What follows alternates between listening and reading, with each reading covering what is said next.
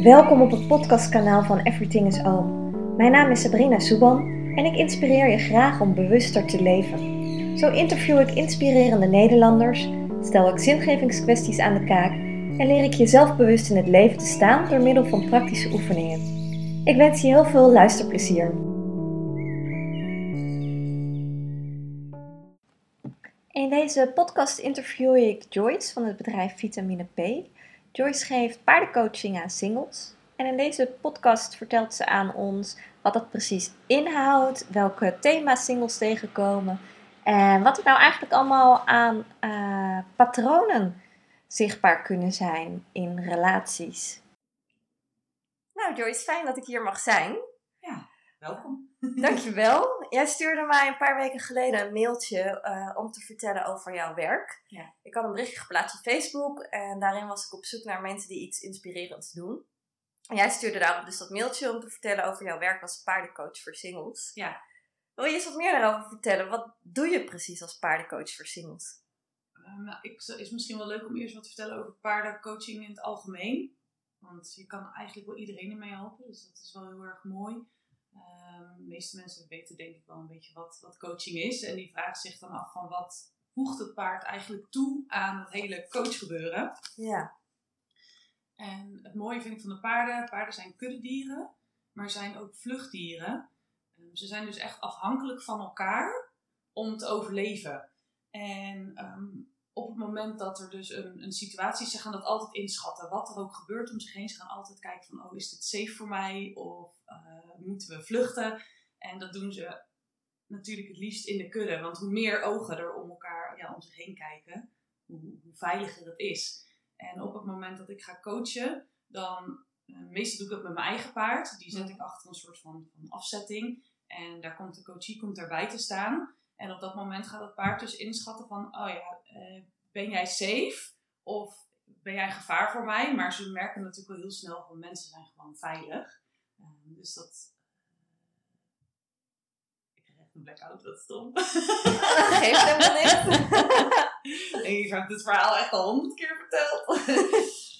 Nee, wat, uh, wat ze dan gaan doen, ze gaan net eigenlijk een soort van scannen van, van ben jij veilig of niet? En kan ik met jou vluchten? Dat is eigenlijk het belangrijkste voor het paard. Van kan ik met jou vluchten? Mhm. Um, dus op het moment dat je samen staat met dat paard, dan denk je van oké, okay, wij zijn nu een mini-kudde en hij moet er alles aan doen om te zorgen dat, um, dat ja, jij zo goed mogelijk in staat bent om te kunnen vluchten.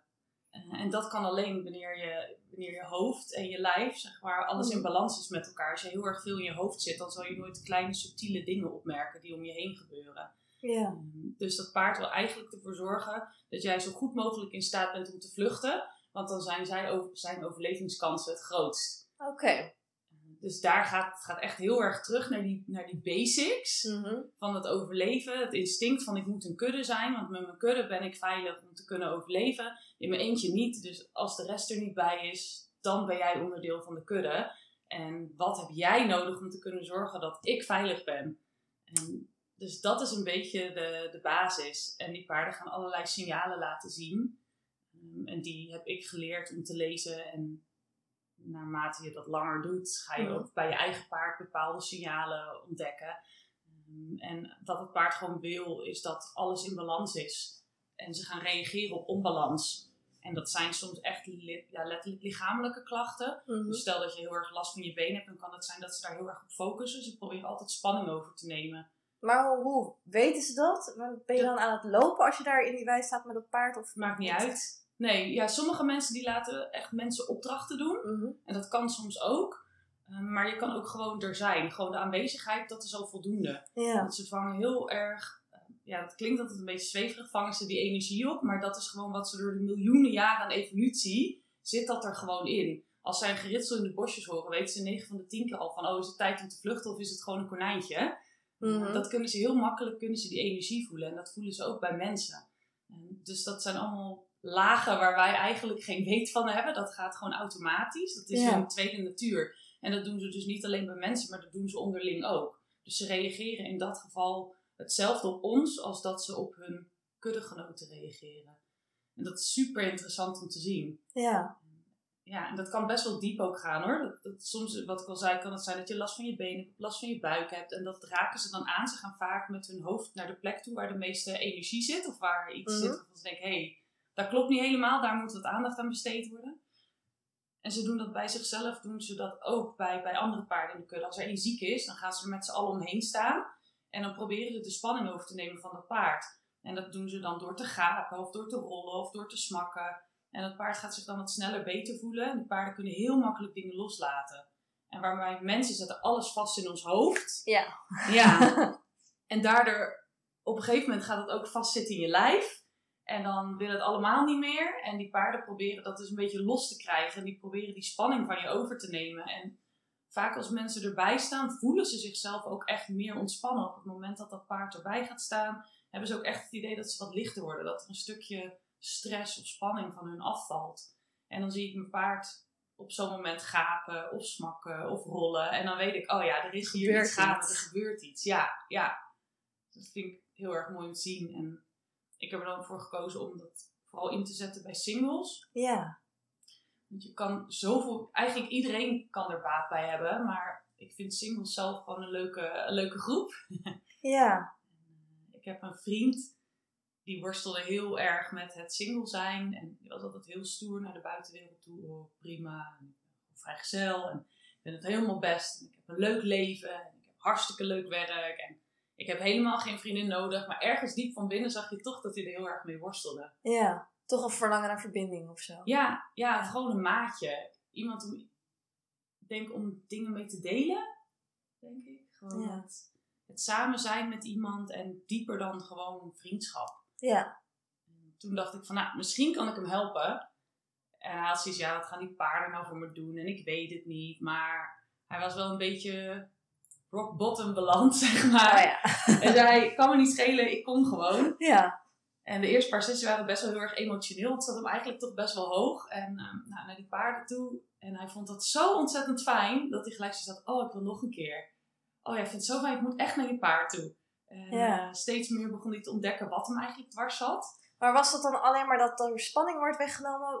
Wat, wat gebeurt Nee. er dan? Het is niet alleen spanning wegnemen. Maar paarden kunnen ook bepaalde gedragingen laten zien. Mhm. Ehm, nou, een voorbeeld bijvoorbeeld. Op het moment dat ze heel laag gaan staan met hun hoofd, echt helemaal met de neus naar de grond. En ze gaan echt helemaal met dat hoofd omlaag.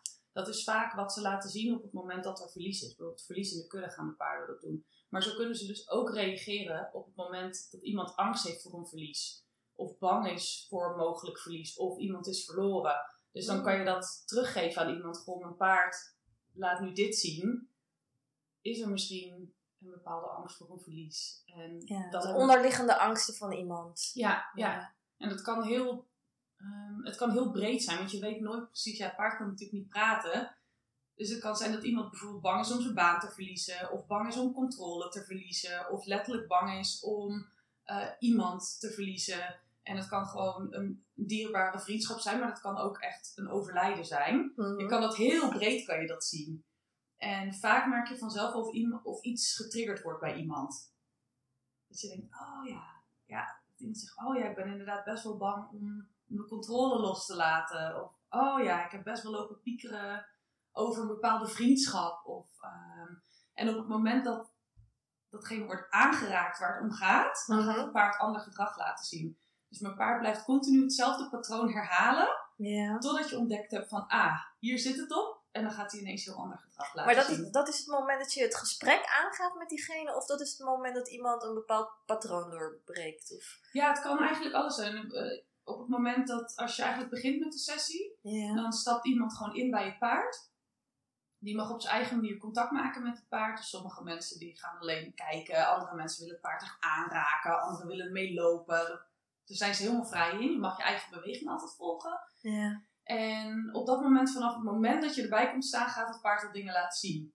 En soms wacht ik even om te kijken van wat gaat het paard laten zien. Ja. En op een gegeven moment doe ik dus elke keer een korte interventie.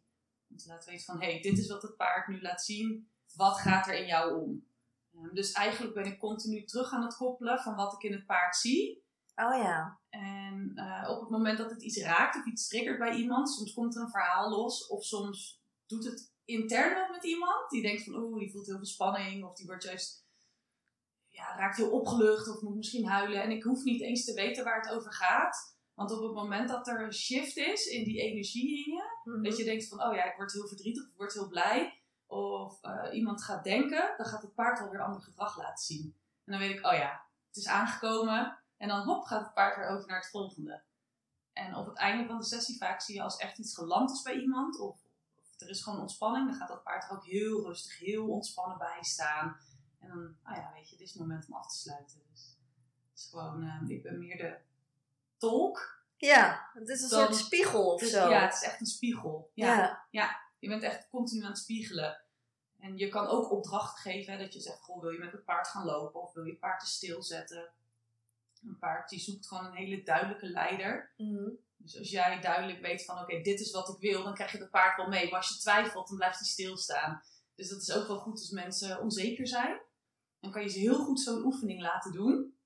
Van, Oké, kom, we gaan even lopen. Zet hem maar stil. En als mijn paard ze volledig voorbij walst, Mhm. dan weet je van, oké, daar mag wel wat meer eh, controle achter zitten. En sommige mensen vinden dat heel eng, heel spannend. Ja. Zijn er sowieso mensen die paarden überhaupt eng vinden? Ik ben niet zo'n dierenvriend, dus nou ja, een paard achter een hek, oké. Maar nou, mijn paard in het weiland. Hmm. Ja. ja, er zijn best wel veel mensen die paarden eng vinden hoor. Ja. Ik krijg wel mensen die echt paarden gewend zijn. ja, dat kan ik me voorstellen. Ja, Ja. trekt toch aan. Dat is heel interessant.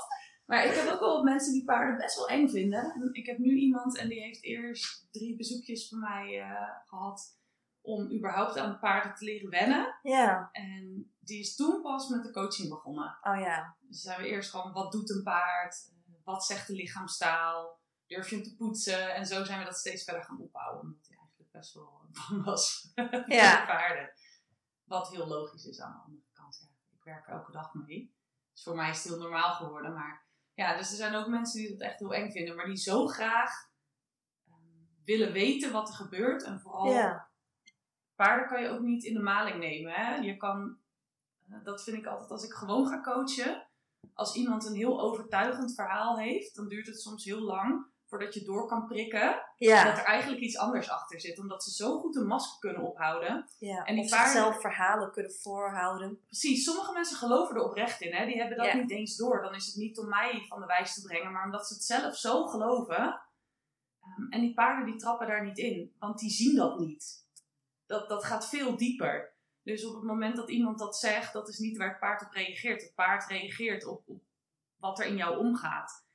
Dus je komt heel snel tot de kern. Want je kan een verhaal ophangen waar je u tegen zegt, en waar je de Oscars mee kan winnen. Ja. Maar daar reageert het paard toch niet op. Dus dat is heel confronterend voor mensen. Ja. Maar zo kom je wel heel snel tot de kern van. Het is wel heel effectief dan. Super effectief. Ja. ja.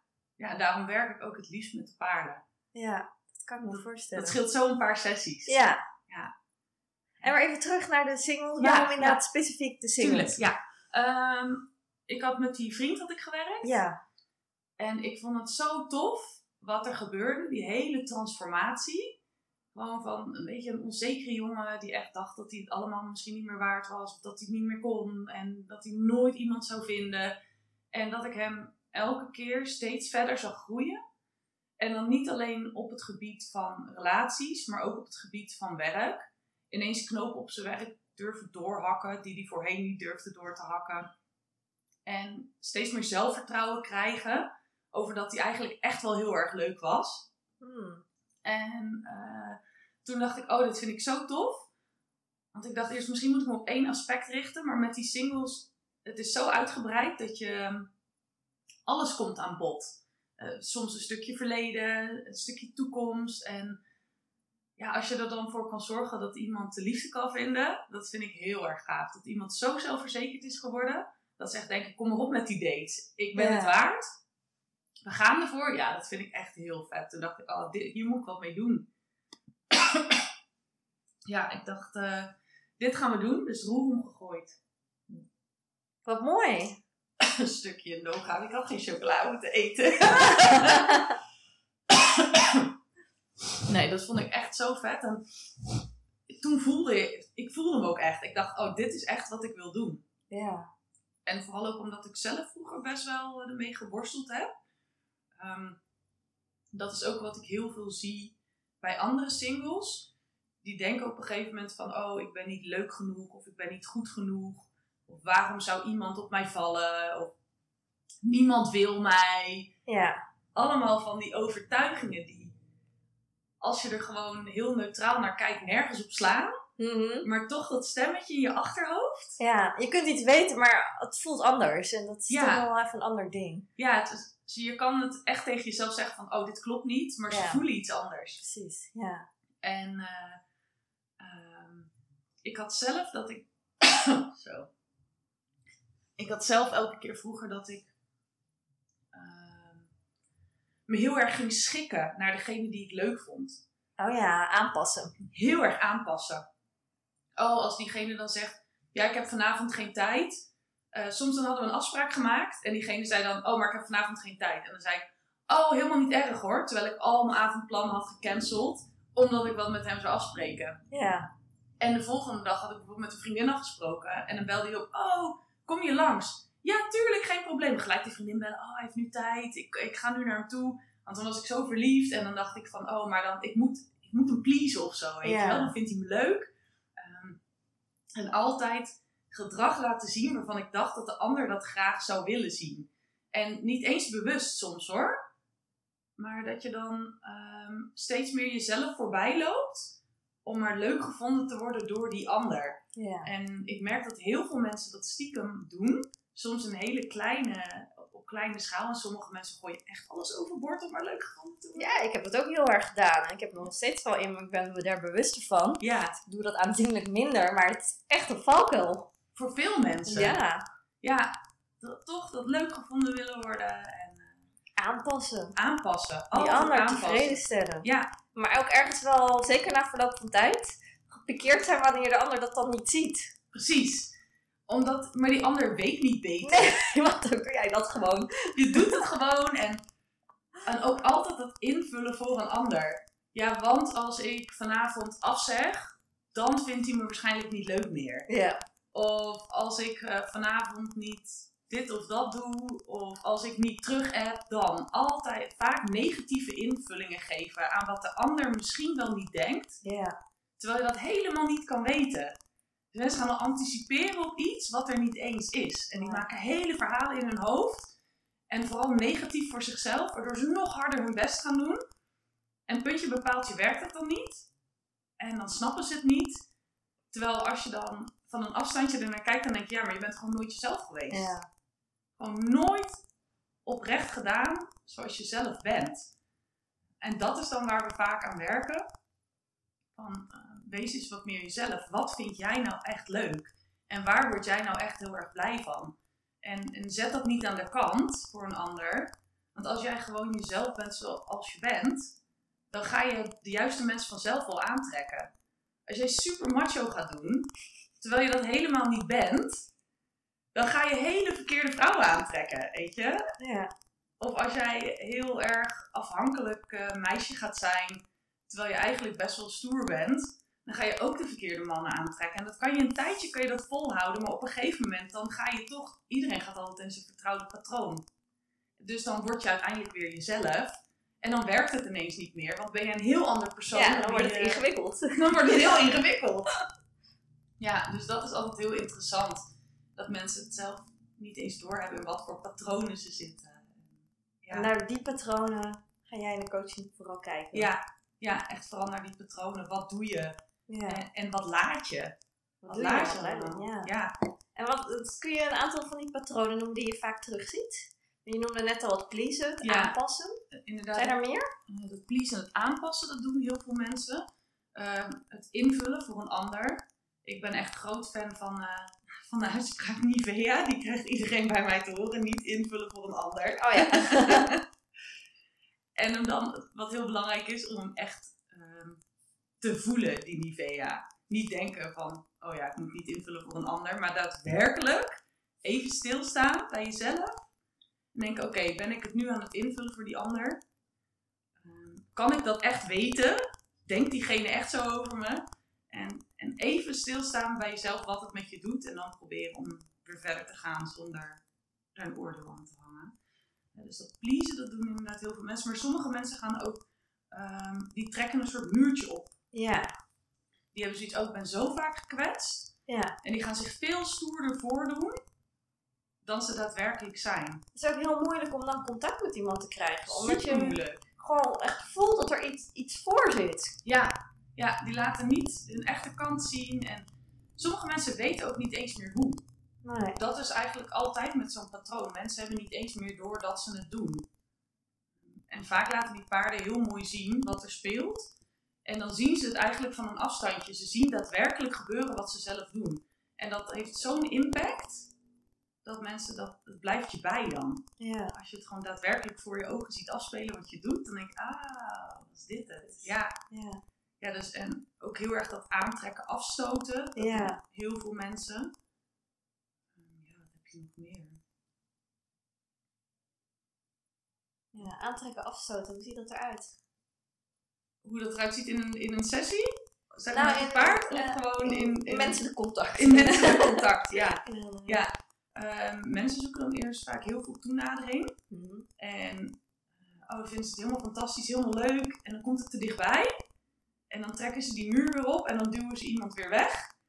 En dan is het, voelt het weer veilig, want dan is er weer minder contact. En dan willen ze eigenlijk toch wel graag weer contact hebben. En dan gaan ze weer toenadering zoeken. En dan lijkt het weer een beetje serieus te worden. Hop, en dan duwen ze het weer weg. Dus dan krijg je heel erg, ja, heel erg onstabiel wordt het dan.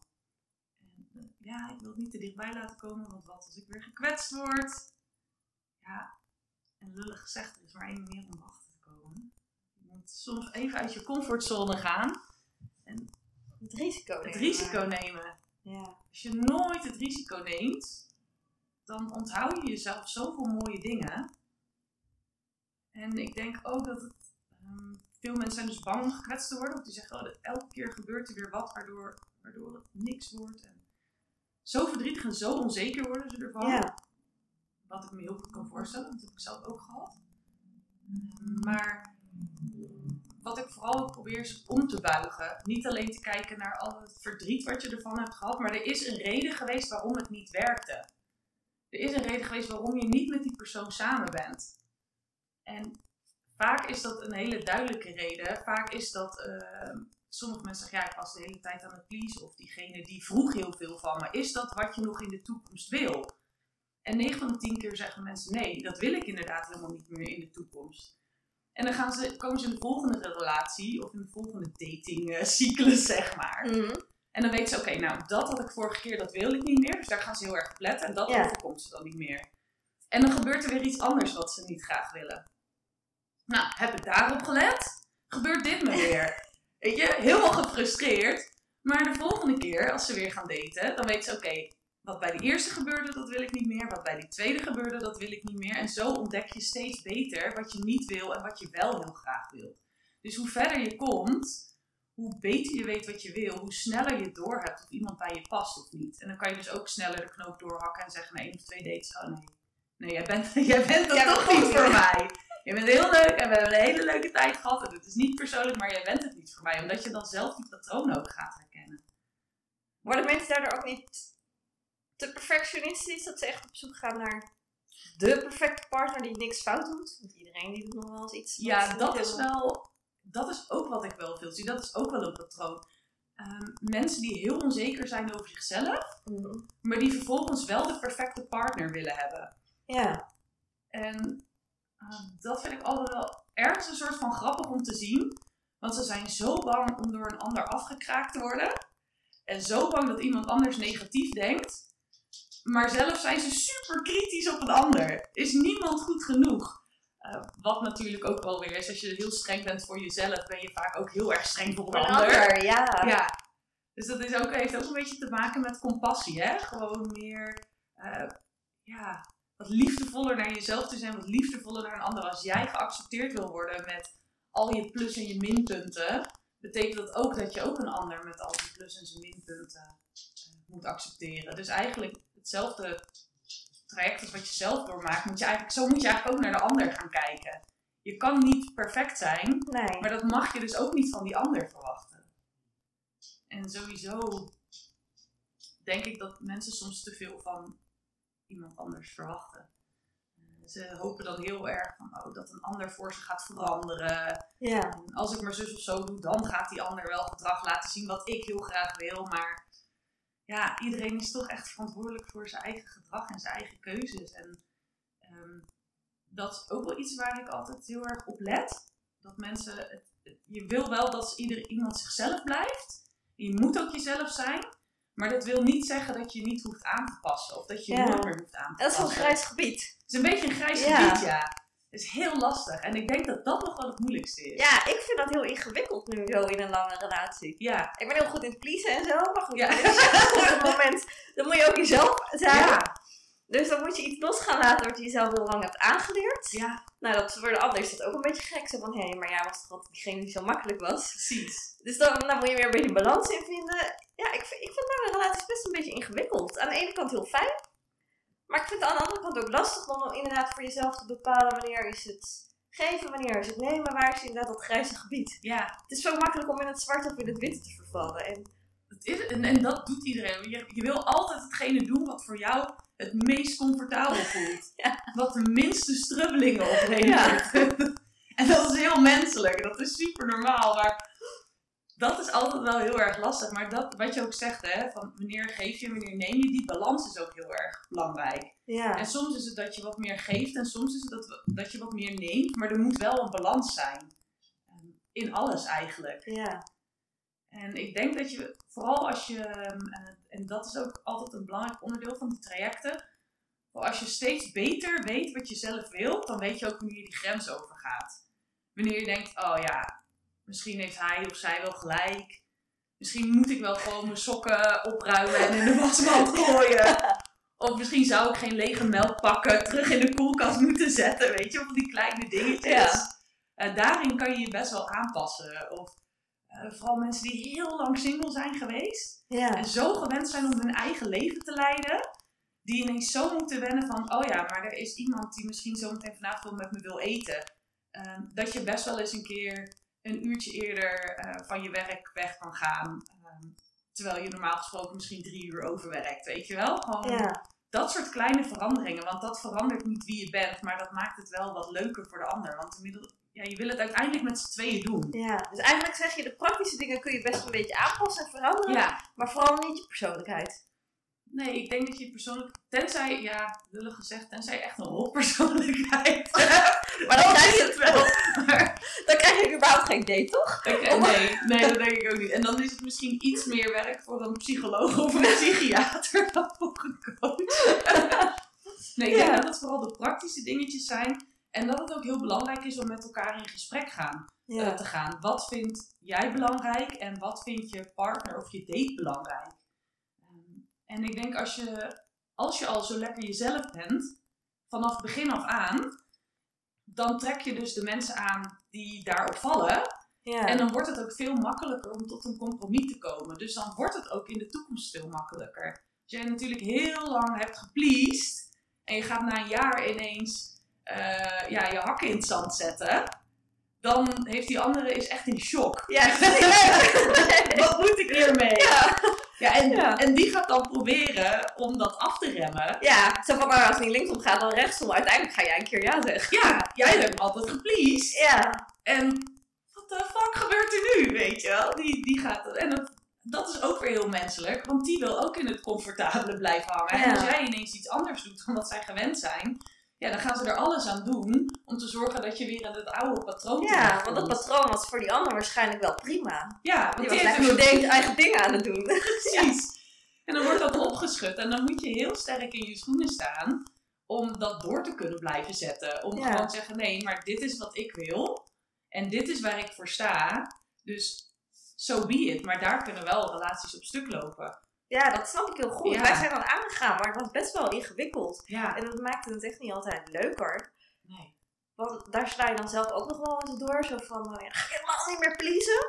Maar dan Ja. vergeet dat je je soms wel een beetje mag aanpassen. Ja. Want dan is het, dan, dat, dat is het zelf ook weer zoeken waar is dan de balans eigenlijk.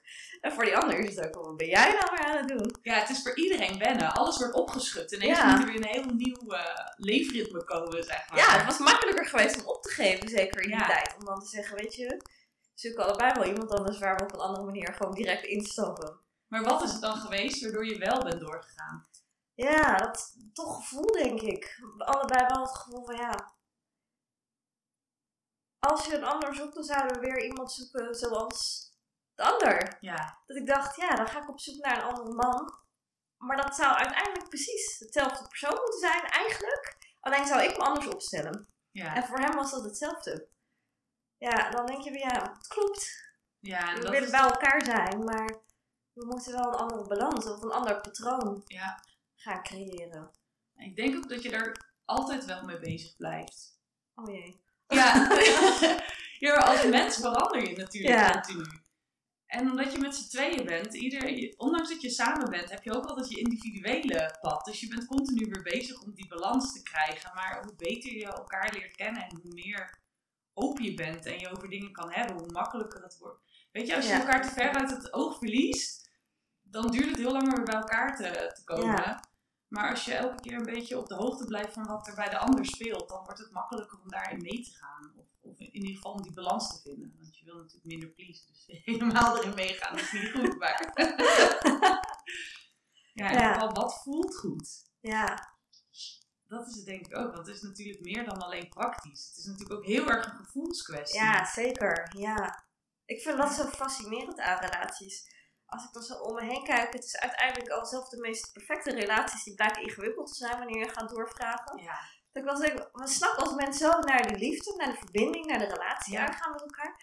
En tegelijkertijd is het vet moeilijk. Volgens mij is ook echt een relatie, net wat je zegt, van iedereen wil het. Ja, En als je het hebt, dan denk je vaak, waar was ik al single?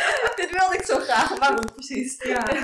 Maar het is juist zo moeilijk omdat je met z'n tweeën bent. Je bent niet meer alleen. En dat is het fijne Ja, ervan, maar ook gelijk hetgene wat het zo moeilijk maakt.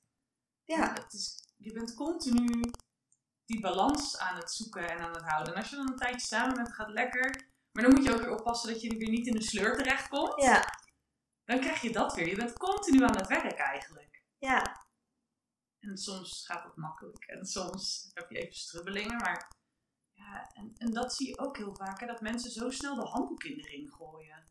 Zo zonde. Precies wat jij aangeeft. Hè? Dan denk je, oh dan zoeken we wel iemand anders. En dan kom je weer bij precies dezelfde persoon terecht. En wat heb je dan allemaal wel niet weggegooid? ja, dat, ja, Ja, ja. ja wij hebben het ook wel eens hoor. Dat soort strubbelingen. Dat je dan denkt, oh ja. Ja, en dan probeer je het maar weer even verstand op nul te zetten. En gewoon even goed praten met elkaar. Ja, Ik denk toch dat het het belangrijkste is. En gewoon weer even aan elkaar vragen. Wat wil je? En waar, worden, waar word jij blij van? Waar word ik blij van? Waar worden we samen blij van? We wat meer tijd voor elkaar maken soms. ja.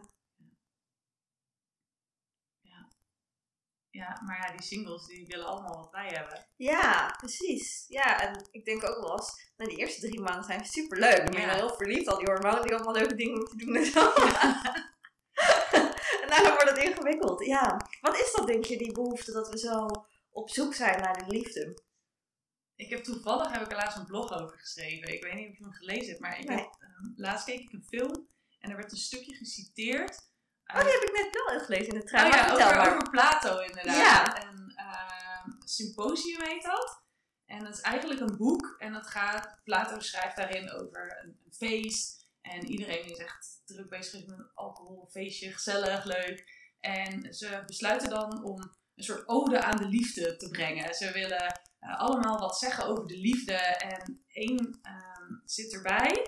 En nou weet ik even niet meer wie dat was. Maar die vertelde van vroeger was de mens een soort van bol wezen. Echt Mhm. heel bizar. Dat echt, ze, ze rolden ook zo over de grond heen. En ehm, ze werden daardoor een soort van oppermachtig. Ze konden alles platwalsen. En ze luisterden niet meer naar de goden. En ze deden helemaal niks meer. En toen was eh, Zeus, die had daar een stokje voor gestoken. Die had zoiets, nou het is nu klaar met die, met die bol mensjes. En die heeft ze gesplitst. Dus die heeft gewoon alle mensen, die waren dus eigenlijk vergroeid, die heeft gesplitst. Dus iedereen werd van zijn wederhelft gescheiden.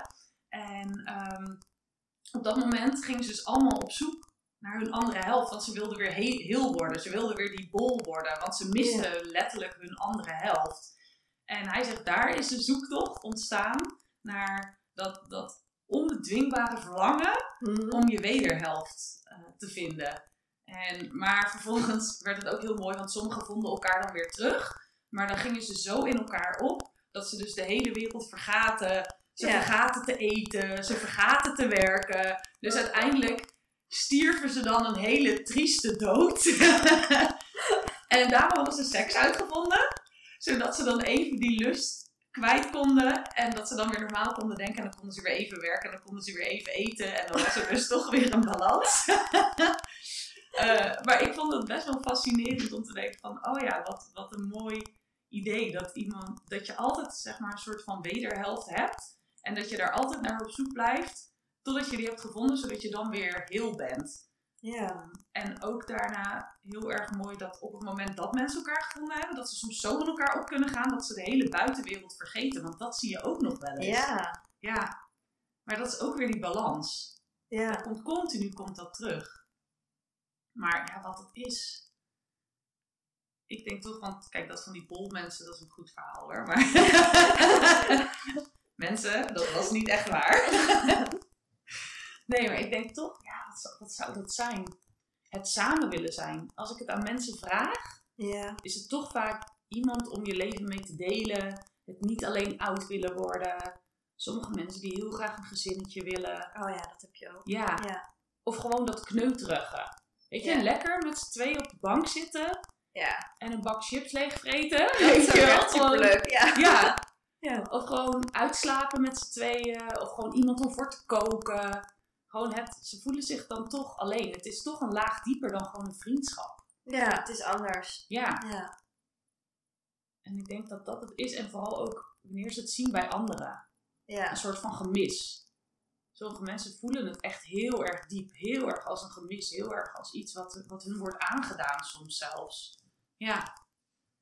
Ja. ja, het is toch een soort van bepaalde chemie. Denk ik. Zou het echt in je hoofd zitten? Ik denk het wel. Ja, ik denk het ook eigenlijk Ja. Ja. Ik denk dat het inderdaad misschien ook wel een stukje heeft te maken met dat... Met inderdaad wel dat heel willen zijn. Een stuk heelheid. Een stuk Ja. oud verdriet of eigenlijk pijn compenseren. En Ja, je gezien en gehoord willen voelen of zo. ja. Ja, en voor iedereen is dat vaak weer anders. Maar het zijn wel vaak dat soort drijfveren. Ja. Of inderdaad gewoon niet gezien worden en dan wel gezien worden. Of onvoorwaardelijke liefde. Ja. Jezelf kunnen zijn zoals je bent. Wie je wil zijn. De acceptatie inderdaad. Ja. En soms ook een stukje zorgen voor iemand anders. Het zijn altijd andere thema's. Maar vaak zijn het wel dat soort hele basisthema's. Ja. Heel basic. En ergens zit er natuurlijk ook gewoon een stukje voortplanting. Een stukje oermens. Ja. En dat speelt misschien ook wel voor veel mensen mee. Ja, Tenminste voor vrouwen denk ik Ja. vooral. Dat op een gegeven moment denken, tenminste ik zou om me heen kijken bij vriendinnen. ja. Een aantal die op een gegeven moment wel dachten, ja, ja moet nu- gaan tikken. Ja, nu moet er wat gebeuren. Ja. Als de kinderen nog wil. Ja. Ja. Ja, en inderdaad, dat zijn ook van die dingen. Mensen die denken, wil gewoon heel graag kinderen. Of ik wil huisje, boompje, beestje. Wat je nu ook heel vaak ziet, is dat mensen die eerst carrière hebben gemaakt. Ja. En dan ineens denken, oh shit. oh, en ik wil eigenlijk ook nog wel kinderen. Maar ik word al ouder. Ja. En dan, hoe kom ik dan aan die man? En eh, vaak blijven ze op de bank zitten. En je vindt niet je man op de bank. Met je Tinder. Met je Tinder inderdaad. Niemand krijgt kinderen door alleen maar te tinderen. Oh, dat ruikt ook Door alleen maar te tinderen. Dus dat, ja, mensen die denken van ja, maar ik kan toch helemaal niemand vinden. En als je dan heel concreet gaat vragen, wat heb je er dan aan gedaan om iemand te vinden? Dan komen ze vaak tot de conclusie dat ze helemaal niks hebben gedaan. Omdat ze dan uit hun comfortzone moeten komen. Nou ja. Ja, maar dan moet ik. Oh ja, ik zou wel salsa willen dansen of zo. Dan kom ik wel mannen tegen. Hm, Ja, maar dan moet ik wel in mijn eentje Ja, dat is wel les gaan nemen. is Ja. wel een dingetje. Ja, ja. Ja, maar in de kroeg ga ik toch ook geen mensen tegenkomen? Ja, maar op de bank ga je ook geen mensen tegenkomen. dat soort dingen. Je moet wel actie ondernemen. Je moet wel een beetje, een beetje zien op te zoeken. Ja. En waar je dat dan op zoekt, dat heeft dan weer met te maken van wat vind jij leuk? Ja, Wat maar vind vind je je belangrijk? gelijkgestemden? Waar vind je gelijkgestemden? Ja. Ja, of probeer eens een keer iets heel anders. Ga eens een keer op een hele andere plek kijken. Iets, ja, weet ik veel. Ga een kookworkshop doen. Of ga met vriendinnen iets ondernemen. Maar blijf dan niet continu alleen maar in je groepje hangen. Ga wel contact maken. En nou ja, dan ga je op je bek. volgende keer is het makkelijker om weer contact te maken. Als je er niet te veel van verwacht. Als je zelf gewoon alleen al als doel stelt van goh, vanavond ga ik drie mannen aanspreken zonder verwachtingen. Hmm. Nou ja, je moet, je moet af en toe die stap zetten om uit je comfortzone te komen zonder dat je, dat is ook weer dat invullen voor een ander hè. Oh, als ik op iemand afstap, dan vinden ze me misschien wel raar. Of dan willen ze misschien niet met me praten. Wat is het ergste wat er kan gebeuren als je dat doet? Dat iemand niet met je praat en dan? Ja. En hoe groot is de kans dat Ja, iemand niet terugpraat? Dat precies. is toch ook gewoon echt een beetje gek. Ja, Dat hangt ook van je openingszin af. Ik kan me voorstellen dat op sommige reacties denk ik, oké, dit is niet eens de moeite waard. maar ja, dan is het ook weer. Wat de ene niet leuk vindt, vindt de ander misschien fantastisch. Dus dan moet je maar gewoon denken: oké, dit is niet de persoon voor mij, want anders had hij me hilarisch gevonden. ja, precies, deze heeft geen humor. Precies, next. Hey, Ja. Ja, hoe vaker je het probeert, hoe makkelijker het wordt. Denk je ook niet dat het tegenwoordig moeilijker is om op mensen af te stappen, juist omdat het allemaal zo digitaal Ja. gaat? Dat denk ik echt. Ja, dat denk ik ook. Ja, mensen zijn het niet meer gewend. Nee. Echt, echt oprecht contact zijn mensen helemaal niet meer Nee, het gewend. gaat allemaal via de beeldschermpjes. Ja. Maar ik denk juist dat het daardoor, eh, de stap is misschien groter, Ja. maar ik denk dat de waardering ook groter is op het moment dat iemand het doet. Ja. Dat mensen dat zo leuk vinden, zo dapper vinden. En vooral als vrouwen dat bij mannen doen. Ja. Dat mannen zoiets hebben, wow, dit is wel echt heel stoer. Dat ze dan toch getriggerd raken van, hmm, wel interessant. Ze durft wel... Het is toch een compliment, hè? Nou, dat is het ook. Ja. Ja. Ik denk ook soms wel dat het als vrouw zijn misschien wel makkelijker is om op een man af te stappen dan andersom. Ja, dat, dat denk ik soms ook wel. Maar mensen denken toch altijd... Sommige mensen blijven heel erg hangen in dat ouderwetse beeld, hè? Nou, ik snap ook wat. Dus ik zou het ook veel leuker vinden als een man mij zou aanspreken in plaats van Tuurlijk. andersom. Maar ik weet ook wel, als ik dan met uitgaan door sommige mannen werd aangesproken, dat ging dan net niet op een manier waar ik dan op zat te wachten. Nee. Sommige mannen deden dat gewoon niet zo heel slim aanpakken. maar dat je dan... Nou, ik weet niet zo goed. Ik denk dat mannen dan ook dat je als vrouw zijn wat minder makkelijk iets raars zegt, waardoor een man echt denkt, wow, nu ga je echt de grenzen over. Terwijl mannen soms nog wel iets zijn waarvan ik denk, nou, dit is echt wel grensoverschrijdend. Ja, ik denk dat mannen soms dan niet weten wat ze met zichzelf aan moeten. Want Ja, het is toch een kwetsbaar vast. moment. Ja, Want dat is wel het moment waarop, want dan staan ze vaak met hun vrienden en dan kunnen ze een blauwtje lopen en dan willen ze het heel goed doen. En dat werkt dan niet als je het heel goed wil doen. Ja, dan gaan ze toch vaak de verkeerde dingen zeggen, soms uit zenuwen of sommige ja, of sommigen zijn gewoon zo dronken dat ze dan niet meer logisch kunnen nadenken. ja, dat is ook echt wel een slecht moment om op iemand op, af te gaan stappen. En sommige mensen, oh, sommige mannen gaan natuurlijk ook gewoon puur voor het kijken hoeveel vrouwen ze kunnen krijgen. Want Ja. eerlijk is eerlijk, dat gebeurt ook gewoon. Maar andersom net zo hard. Vrouwen kunnen dat ook. Ja. Dus wat dat betreft. Maar ik denk dat je snel genoeg wel de, de intenties door hebt. Ja, dat denk ik ook. Ja. Ja. En natuurlijk is, en dat is ook oké hè. Als je gewoon voor de lol is, gewoon wil kijken van, oh, kan ik een man aan de haak slaan en gewoon een avondje voor de fun. Of alleen maar een avondje dansen, of alleen maar een avondje zoenen, of weet ik veel. Als iemand helemaal into one night stands is. Als je, ik denk als je maar eerlijk daarover bent. Dat je geen verwachtingen schept bij een ander, of andersom. Als je alle twee op dezelfde lijn zit, dan maakt dat niet zoveel uit. Als je alle twee denkt, nou oké, gewoon een avondje lol. Ja. Soms is het ook goed Ik voor je ego. Ja, Ja. Als je dan raak, als het dan raak is en je denkt, oh, ik heb toch even een leuke vent aan de haak geslagen. Dan wordt het volgende keer wel weer makkelijker. ja, dat kan ik me voorstellen. Ja. Want dat is ook wel iets wat ik, wat ik zelf heb gemerkt. Toen ik heel erg in dat, in dat dating zat en dat pleasen. Op een gegeven moment had ik door wat ik deed. En dat het dus helemaal niet werkte. En ik vond mezelf altijd... Ik ben vroeger heel erg gepest. Dus ze zeiden altijd van, oh je bent lelijk. En dat geloofde ik op een gegeven moment ook. En toen ging ik stappen. En toen kwam ik erachter dat, dat mannen me dus helemaal niet lelijk vonden. En toen moest de knop dus nog om. Hmm. En eh, toen ging ik van, oh ja, heel onzeker. Toen ineens dacht ik, oh, eens even kijken hoeveel mannen ik kan krijgen. En dat was super goed voor mijn ego. Het was misschien niet mijn beste periode. Het was misschien niet de periode. Ja, het was, het was best wel leuk. Het is Ja. niet iets wat je trots aan je schoonouders of aan je ouders vertelt. Maar het was best wel eens leuk om gewoon zelf op een man af te stappen. of om versierd te worden en niet gelijk iets negatiefs erachter te zoeken. Ja. Het was zoveel leuker om het vanuit een positief oogpunt te bekijken en ook te denken, oh, nou, volgens mij ben ik eigenlijk best wel leuk. Ja.